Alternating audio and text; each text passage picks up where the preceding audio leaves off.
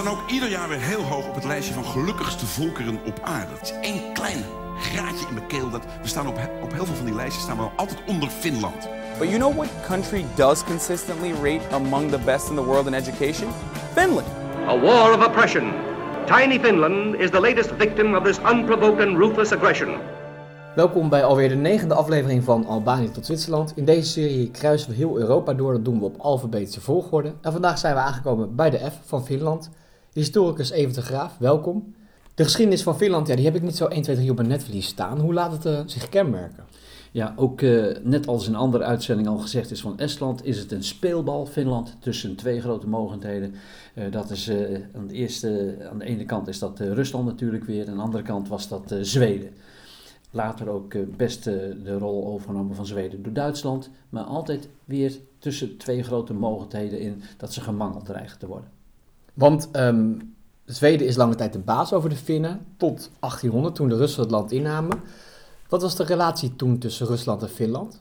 Nou, dan zie je ook weer dat eh, Rusland wel degelijk ook, en dat heeft allemaal nog weer te maken ook met die politiek van het Tsaar Peter de Grote, die honderd jaar daarvoor al eh, dus eh, grote gebieden, met name in Estland en, en zo wist te veroveren, maar ook al deels een begeerig oog had geslagen op Finse bezittingen. Karelië, dat ligt in het eh, zuidoosten van Finland, dat ligt vlak in de buurt van de nieuwe stad die hij heeft laten bouwen. 1703 is Sint-Petersburg naar hem vernoemd, eigenlijk op het grondplan van Amsterdam is dat eh, gebouwd, die stad. Eh, hij wilde gewoon die stad veiligstellen door die gebieden die van Finland waren, eh, zich toe te eigenen. Dat niet vanaf Fins grondgebied heel makkelijk met toen al mortieren en andere ja, wapens de stad gebombardeerd en aangevallen kon worden. Dus ze wilden dat gebied in handen hebben om ook weer een venster op het westen te krijgen, op te rukken naar de Finse golf, naar de Oostzee, naar het warme water toe. En daar hoorde Finland ook bij. Ja, want het tsaar was dus grootvorst over het land. Hadden de Finnen dan wel wat in de melk te brokkelen? Ja, dat heet, eh, officieel hebben ze daar de term personele unie voor. Dat betekent in wezen dat een land eh, toch qua eh, letter de wet, de jure heet het dan, onafhankelijk is. Maar ze hebben dan hetzelfde staatshoofd, maar dat land danst helemaal naar de pijpen, dat kleine landje Finland, naar de machtige pijpen van, eh, van Rusland. Dat is duidelijk. Maar, Maar- ze hadden dan inderdaad dezelfde vorst, de grootvorst, het tsaar, die ook over hun gebied regeerde. Maar ze hadden bijvoorbeeld wel een eigen wet dan. Ze hadden een eh, ja, eigen parlement, hebben ze later ook wel gekregen. En eh, grondwetten, die waren er bijna nog niet in die periode. Maar ze kregen wel redelijk veel autonomie. Maar als de revolutie in Rusland uitbreekt, dan heeft dat veel consequenties voor de om, omliggende landen. Bijvoorbeeld het zelfbeschikkingsrecht. In de beginperiode kunnen landen zich onafhankelijk verklaren. Dat doet Finland ook. Waarom staat Lenin dat toe? Eh, goed dat je dat zegt, dat zelfbeschikkingsrecht. Eh, ten tijde van de Eerste Wereldoorlog heeft president Wilson van Amerika heeft het 14-puntenplan opgesteld. Eh, een soort eh, grand design hoe het allemaal moest eh, gaan lopen na de Eerste Wereldoorlog. En er hoorde onder andere een van die 14 punten het zelfbeschikkingsrecht der naties bij. En dat hebben natuurlijk ook de mensen de ginds in Finland gelezen. En die dachten, wij willen inderdaad onze zelfstandigheid willen we opeisen. En dan zie je dat tijdens de Russische revolutie, als dan die revolutie uitbreekt in Rusland, dat de Finnen denken, jongens, daar moeten we gebruik van maken, van die verwarring, van die situatie. Wij gaan ook eh, proberen te streven naar onafhankelijkheid.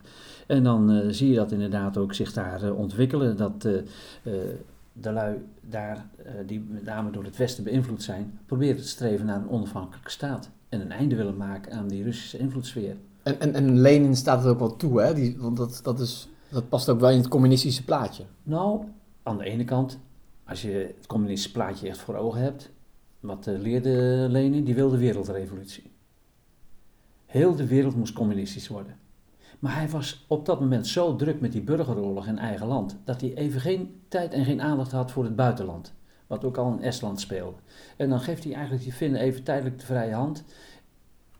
Met in het achterhoofd het idee van als we hier in binnenland orde op zaken hebben, we hebben de tegenstanders, de aanhangers van het Tsaar verslagen, dan zien we wel weer verder. Maar voorlopig mogen ze eventjes hun, hun gang gaan.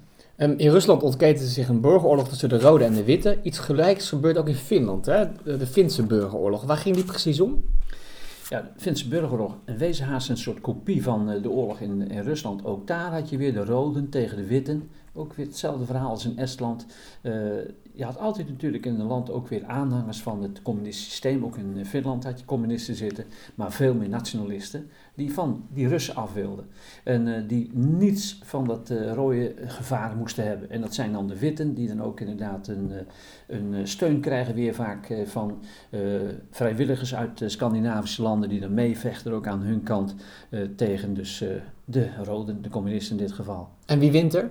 Uiteindelijk winnen daar in Finland toen in die periode ook weer uh, de Witten. Ja. In tegenstelling tot in Rusland. Ja, in tegenstelling tot in Rusland. Um, in 1920 wordt er ook een vrede getekend met Rusland. Waarom was dat nodig? Dat is dan de vrede van Tartu, uh, wat ik al vertelde.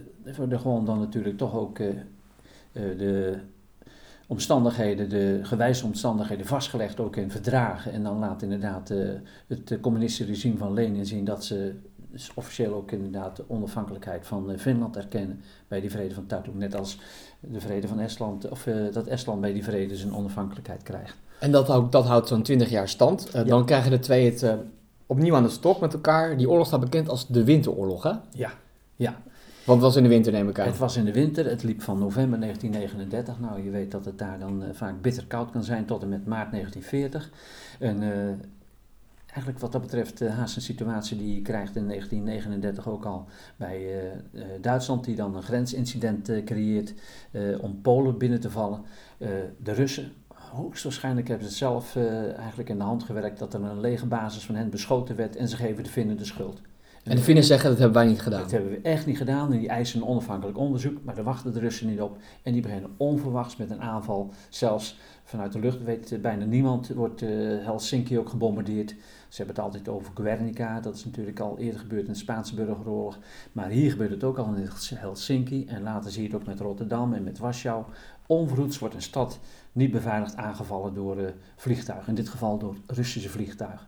En dat is een, ja, een hele uh, opmerkelijke oorlog geweest, die winteroorlog. Die heeft een, een bepaalde aantal aspecten opgeleverd die toch wel het vernoemen waard zijn.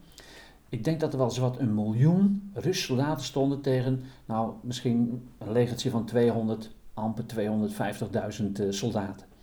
En dat is een, uh, een hele felle strijd geworden. Het was bitter koud. En wat hebben de Finnen gedaan? Die hebben een soort guerrilla-oorlog gevoerd. Die deden het veel beter dan uh, de Russische soldaten. Die hadden witte sneeuwpakken aan de Finnen. Die hadden skis, die hadden wapens op hun rug. Wel leuk. Met de Olympische wintersport ken je de biathlon.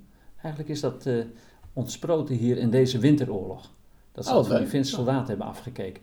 En die weten dan razendsnel van die uh, aanvallen uh, op konvooi te doen, trekken zich weer terug in de bossen enzovoort. En die hebben echt een, een geweldige ja, impact gehad op de Rus. In het begin leden ze heel veel nederlaag. En dat heeft alles te maken met het feit dat Stalin in de periode van 1934 tot 1939 heel veel generaals, hoogofficieren heeft weggezuiverd, want die vertrouwden niet. Het waren lui die misschien hem van de troon konden stoten. Je kon gewoon zien dat er veel jonge, onervaren uh, officieren in dat Russische leger vochten. En, dat was ook zo'n hele vreemde tactiek van de communisten, dat naast elke generaal stond weer een politieke commissaris. Dat was gewoon een communist in hart en nieren, die niets van oorlogvoeren afwist, maar wel die generaals in de gaten hield. Dat werkte voor geen meter. En nog een keer, ze leden vaak de ene nederlaag naar de andere. Uiteindelijk konden de Finnen tegen die overmacht niet op. En wisten uiteindelijk toch de Russen de oorlog te winnen. Maar het heeft Hitler op het idee gebracht.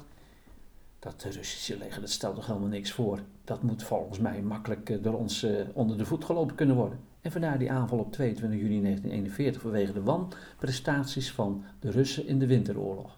Want eh, Finland is ook geen makkelijk te veroveren land, hè? Nee, het is natuurlijk een heel leeg gebied, uh, ontzettend veel uh, meren. Het land van de duizend meren wordt het genoemd. De onmetelijke bossen. Je had vroeger over Noorwegen een eeuwig zingende bos, een prachtig oude speelfilm. Maar dat had je daar natuurlijk in Finland ook. Waren slechte kaarten, vaak verdwaalden ze ook nog. Dus het was echt een, een rot gebied om te vechten ook voor een ja, regulier leger. En een guerrilla-leger is altijd lastig om ja. tegen te vechten. Um, in Nederland is Duitsland de absolute boeman in de Tweede Wereldoorlog. Bij Estland is dat al veel minder het geval, bij de Finnen ook. Um, was Rusland een nog veel erger kwaad? Ja, ik denk het wel. De, ook eh, misschien nog even goed dat we dat moeten aanvullen. Eh, die Russen hebben dan die oorlog gewonnen en die hebben ook meteen natuurlijk het mes op de keel gezet eh, bij de Finnen. En dat is toch wel belangrijk dat het even vermeld wordt. Dan pikken ze grote gebieden in het zuiden in, Karelië. En dan hebben ze meteen een buffer voor Sint-Petersburg. Dat zeg ik eigenlijk verkeerd, dat werd toen al Leningrad genoemd. En dan in het noorden, hoog in het noorden, in de buurt van Lapland, daar heb je Moermansk liggen. Daar hebben ze ook een heel gebied ingepikt van, uh, van Finland, waardoor ook die havenstad beter beschermd werd, een grotere buffer kreeg. En ook Hangöje, dat is een, uh, een Finse havenstad geweest, die werd voor 30 jaar werd die van Rusland. En je ziet dan dat die Russen toch hun tentakels inderdaad ook uh, uitzetten, ook in dat gebied, Finse gebied. En dat ze dat zich willen toe-eigenen. Want de Finnen, die moeten ook voor hen, een geweldige industrie altijd door de eeuwen gehad, die moeten ook voor hen machines, uh, wapens en alles produceren voor het Russische leger. Dus wat dat betreft zie je ook daar weer Russen die overgepoot worden naar Finland om daar voor de Russificatie te zorgen. Ze proberen net als in die andere Baltische staten hun invloed daar blijvend te vergroten. En dat zorgt er dus ook voor dat Finland op een gegeven moment de kant van Duitsland kiest. Ja, dat is uh, ook weer die term, ik heb het al vaker gezegd, de vijand van mijn vijand is mijn vriend. Uh, als dan de Duitsers uiteindelijk aanvallen, en dan bedoel ik de aanval op 22 juni 1941 op uh, de Sovjet-Unie, dan bezetten ze ook meteen die gebieden aan de Baltische Zee en krijgen ze, wat velen in Europa eigenlijk verraste, dan krijgen ze de steun van het Finse leger. Want de Finnen die hadden nog een appeltje te schillen met de Russen, die hadden die winteroorlog verloren en die wilden het liefst weer die gebieden terug. En die wilden inderdaad een einde maken aan het verderfelijke Sovjet-systeem. En die vochten vrij massaal ook mee. Er zijn heel veel divisies ook van Finnen geweest die meevochten bij onder andere de belegering van Leningrad. Je had toen legergroep Noord van de Duitsers ging naar Leningrad, legergroep Midden ging naar Moskou, legergroep Zuid ging naar Stalingrad, maar vooral legergroep Noord en die stad Leningrad, die is nooit ingenomen. Die is 900 dagen lang belegerd geweest zonder dat ze daar uh, de stad in handen hebben gekregen, de Duitsers. En de Finnen en ook Esten hebben daarmee gevochten aan de kant van de Duitsers. Maar die hebben weten stand te houden. Echt uh, heel bizar. Er zijn meer dan een miljoen mensen bij omgekomen. Maar dat liet zien dat de Finnen toch inderdaad uh, graag tegen de Russen optrokken, schouder aan schouder met de Duitsers. Maar ze bleven ook wel onafhankelijk, toch, gedurende die periode? Of? Ja, in die periode ja, goed, de, de, hele democratie stond toen op een laag pitje, ook in, in, in Nederland natuurlijk, eh, wat toen bezet was door de Duitsers. En ook in Finland zal die parlementaire democratie echt niet goed gedraaid hebben, daar ben ik van overtuigd. Maar ze waren onafhankelijk en ze vochten mee, dat is nog een opmerkelijk feit, die Finnen, tot eigenlijk september 1944. En toen kon iedereen zien eigenlijk in Europa, wie een beetje zijn ogen de kost gaf, dat Duitsland een verloren strijd streed. En dan door de nood gedwongen kiezen ze opeens partij voor de geallieerden. En dat is hun behoud geweest. En dan gaan ze meevechten aan de kant van de geallieerden, gaan ze zelfs de Duitsers bevechten. En er waren nogal wat Duitsers ook in Finland. En die moesten toen, ja, de een of andere kant op, die moesten ontsnappen. Die wilden weg. En Duitse militairen? Ja, die Duitse militairen. Die konden alleen maar, Noorwegen was Duits gebied, Zweden was uh, onafhankelijk gebleven. Maar via Lapland, in het hoge noorden van Finland, konden ze dan ook naar Noorwegen oversteken. En zich daarop terugtrekken. En toen hebben ze zich teruggetrokken. Tactiek van de verschroeide aarde hebben ze toegepast. Het wordt wel de Laplandoorlog genoemd. Onder andere de Lapse hoofdstad Rovaniemi is toen uh, haast met de grond gelijk gemaakt, afgebrand door de Duitsers. Maar ze werd achtervolgd door de Finnen. En dat is een hele goede, slimme daad geweest van die Finnen, dat ze toch lieten zien, we zijn ook tegen de Duitsers, waardoor ze uiteindelijk op het eind van de Tweede Wereldoorlog toch een onafhankelijkheid wisten te behouden. Maar de geallieerden wisten natuurlijk ook wel dat, dat Finland lang met Duitsland mee had gevochten. Dus ze werden wel in de hoek van de verliezers geplaatst, toch? Ja, maar nog, nog een keer uiteindelijk toen ze dus partij kozen tegen die Duitsers van september 44 tot en met uh, zeg maar uh, 8 en 9 mei 1945 als de oorlog afgelopen is. Dat heeft er toch wel zoveel voordelen opgeleverd dat ze inderdaad hun onafhankelijkheid konden behouden. En dat is een hele opmerkelijke periode, want ze ontkomen eigenlijk aan het Sovjetregime. Ja. Um, hoe hebben ze dat voor elkaar gekregen? Nou, wat ik dus deze voorgeschiedenis, dat, uh, dat ze zichzelf hebben weten te bevrijden en dat ze niet uh, gelukkig uh, Russische soldaten binnen hun grenzen hadden gekregen die daar dus de baas zouden kunnen spelen. er is wel over onderhandeld, heb ik begrepen. Kun je niet zoveel van vinden.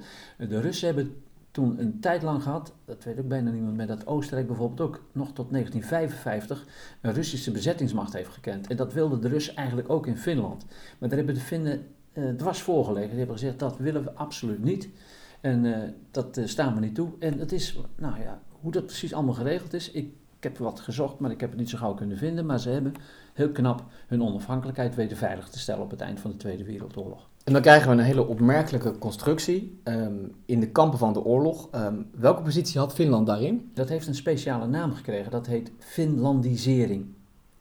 En Finlandisering betekent gewoon, eigenlijk je bent wel onafhankelijk, maar de Finnen gingen heel vergaand en waren heel meegaand richting de Russen. Ze wisten dat ze naar de pijpen moesten dansen van grote broer. Er mochten eh, bijvoorbeeld de Finnen mochten geen lid worden van de NAVO, mochten geen lid worden van de Europese Unie, al dat soort dingen meer. Ze moesten hun eigen onafhankelijkheid goed koesteren. Niet partij kiezen voor het Westen, want dan hadden ze een grote broer, een grote buurman Rusland op hun nek. En die zou dat dan... heet Finlandisering. Dus eigenlijk puur afhankelijk zijn van een grote broer. Zo meegaand zijn dat je dan toch nog redelijk onafhankelijk kunt blijven. Want die, stel dat ze um, een, bondgenoot met, een bondgenootschap met het Westen zouden afsluiten, dan zou Rusland binnenvallen. Ja, die, die dreigde er gewoon mee. Die wilde niet dat dat natuurlijk in het uh, kamp van het uh, Vrije Westen viel, Finland. Um, dat is heel voorzichtig manoeuvreren. Um, na de dood van Stalin durven ze pas wat meer om zich heen te kijken. Ja, Stalin is dan uh, inderdaad ook overleden op 5 maart 1953. Heeft nog een ja, allerlei terreurdaden heeft hij op het eind van zijn leven nog weten uit te zetten, weten te plegen, ook richting de Joden. Hij had nog van alles in zijn hoofd, maar er kwam dus een einde aan doordat hij stierf in 1953. En dan zie je dat in 1955, is nog een korte machtsstrijd geweest, dan grijpt Khrushchev de macht. En een van de allereerste daden die Khrushchev pleegt, dat is dan in 1956 de destalinisatie. Die neemt afstand, afstand afscheid van dat bewind van beleid van Stalin. En dan ontstaat er een periode, in de Koude Oorlog wordt wel de détente genoemd, ontspanning. En daar profiteren de Finnen ook van. Die kunnen dan iets meer inderdaad uh, vrijer ademhalen. En ze weten dat niet, uh, zo 1, 2, 3, de dreiging van een oorlog eigenlijk uh, ja, boven hen hangt. Alhoewel in 1961 met Cuba zie je toch dat de wereld op het randje van een atoomoorlog heeft gebalanceerd. Ook in de tijd van Khrushchev, dan liet hij zien dat hij toch nog wel een, een harde communist was. Maar die periode van Khrushchev, en die heeft geregeerd tot 64. Maar dat heeft toch voor een zekere verlichting gezorgd in die uh, situatie van de Koude Oorlog. Want als je Stalins buitenlandbeleid bekijkt, dan speelde de Finnen dat op zich wel slim. Heel slim. Want ook Stalin had toch heel sterk, toch wel uh, ja, aan de ene kant revolutie in één land, zei hij. Maar altijd speelde op de achtergrond het idee van Karl Marx, wereldrevolutie, de hele wereld. Dat was echt het streven ook van de communistische internationale. Heel de wereld moest dus inderdaad communistisch zijn en worden. En het liefst natuurlijk altijd beginnen met de buurlanden. Dat is een goede buffer houden. Ja, Finland, um, toch, is, toch is het al vreemd. Hè? Ik bedoel, Finland is een neutraal land, maar eigenlijk is het het meest bang voor de grootste bondgenoot. Ja, ik weet niet of je Rusland, bedoel je dan waarschijnlijk als bondgenoot? Ja. Ja, ik denk dat ze dat opgelegd is uh, geworden, dat dat hun bondgenoot was. Dat was hun buurman. Maar een bondgenoot, daar hebben ze denk ik uh, niet zoveel mee. Als je dat uh, aan een Fin zou voorleggen, dan denk ik niet dat hij zei, zal zeggen, nee inderdaad. dat waren onze vriendjes. Dat waren onze vriendjes bepaald niet. Net als met de Polen en met andere mensen in de Baltische Staten. Die kijken altijd met argwaan naar ja, de grote Russische beer. Dat was een bedreiging. En ik denk wat dat betreft hadden veel, als je ja, misschien een beetje natte vingerwerk. Maar als je een referendum zou houden, toen in die tijd in Finland, en je zou vragen bij welk kamp wil je aansluiten, nou ik denk dat uh, zeker driekwart van de mensen zouden kiezen voor het Vrije Westen. Ja, dat valt op zich ook wel um, uh, terug te halen uit, uit het feit dat de Sovjet-Unie op een gegeven moment uit elkaar valt. En wat zie je daarna? Een paar jaar later treden Finnen toe tot de EU. Um, het is nu een van de meest welvarende landen ter wereld. Dus eigenlijk vanaf zie je wel natuurlijk dat ze al veel eerder bij het Westen wilden, uh, uh, zich daarbij als bondgenoot wilden schikken. Ja, ik denk toch inderdaad uh, dat ook de Finnen, die hebben in de loop der tijd, dat was al bekend ook bij de Russen natuurlijk, vandaar dat ze het graag ook wilden hebben, net als met Estland in die Baltische staten, dat ze een geweldige, ja, goede industrie hadden opgebouwd, een goede economie hadden opgebouwd. En met name ook in Finland, heel opmerkelijk, die telecommunicatie. En het heeft alles te maken met het feit, er worden regelmatig lijstjes verspreid, uh, ik meen dat ze nu de laatste keer op plek nummer 2 stonden, maar het is vaak jaren al zo dat uh, het beste onderwijs wordt gegeven in, in Finland. Geweldige scholen, geweldig universitair onderwijs, er komen hele knappe koppen vandaan. En die weten inderdaad ook innovatief bezig te zijn. Ja, in alle lijstjes staat Finland altijd wel ergens bovenin, hè? Dat, ja. Uh, dat kun je, ja. ja. Um, En Finlandisering, dat is een erfenis aan, aan de periode die... eh, Ja, die is afgesloten. Dat Ja. was toen. eh, eh, alhoewel, eh, ik las pas ook nog weer in bepaalde kranten. eh, dat eh, ook in Finland eh, leeft toch best wel weer de angst ook voor Poetin. Hè? Want Poetin is eigenlijk een, eh, ja, een nieuwe tsaar Peter de Grote. Die wil weer eigenlijk ja, een nieuwe rode tsaar. Die wil weer terug naar de tijd liefst van Brezhnev. Dat het weer een grote Sovjetstaat was. Nou goed, Sovjetstaat niet meer, maar wel de, de grootte van die staat. Eh, na de val van het communisme zijn er een heleboel onafhankelijke staten gekomen. De Oekraïne noemen ze allemaal maar op natuurlijk. Hè. Eh, Wit-Rusland, eh, al die staten zijn ontstaan na het uiteenvallen van eh, de Sovjet-Unie. Maar eigenlijk wil het liefst Poetin weer terug naar die oude grote communistische staat met die grenzen van toen. En dat zie je al, dat hij dus de Krim heeft eh, opgeslokt. En wie weet wil hij nog meer van de Oekraïne ook weer inlijven. Wit-Rusland misschien weer inlijven. De Baltische Staten zijn ze ontzettend benauwd voor het oprukken wat dat betreft van eh, de Russische belangen. En ook in Finland leeft dat heel sterk. Dus het Westen en Rusland en Finland en de Baltische staat ertussen, dat blijft een, eh, een spannend onderwerp. Absoluut. Goed, daar houden we bij. Bedankt voor deze uitleg over Finland. Ehm, dit was van Albanië tot Zwitserland voor deze aflevering.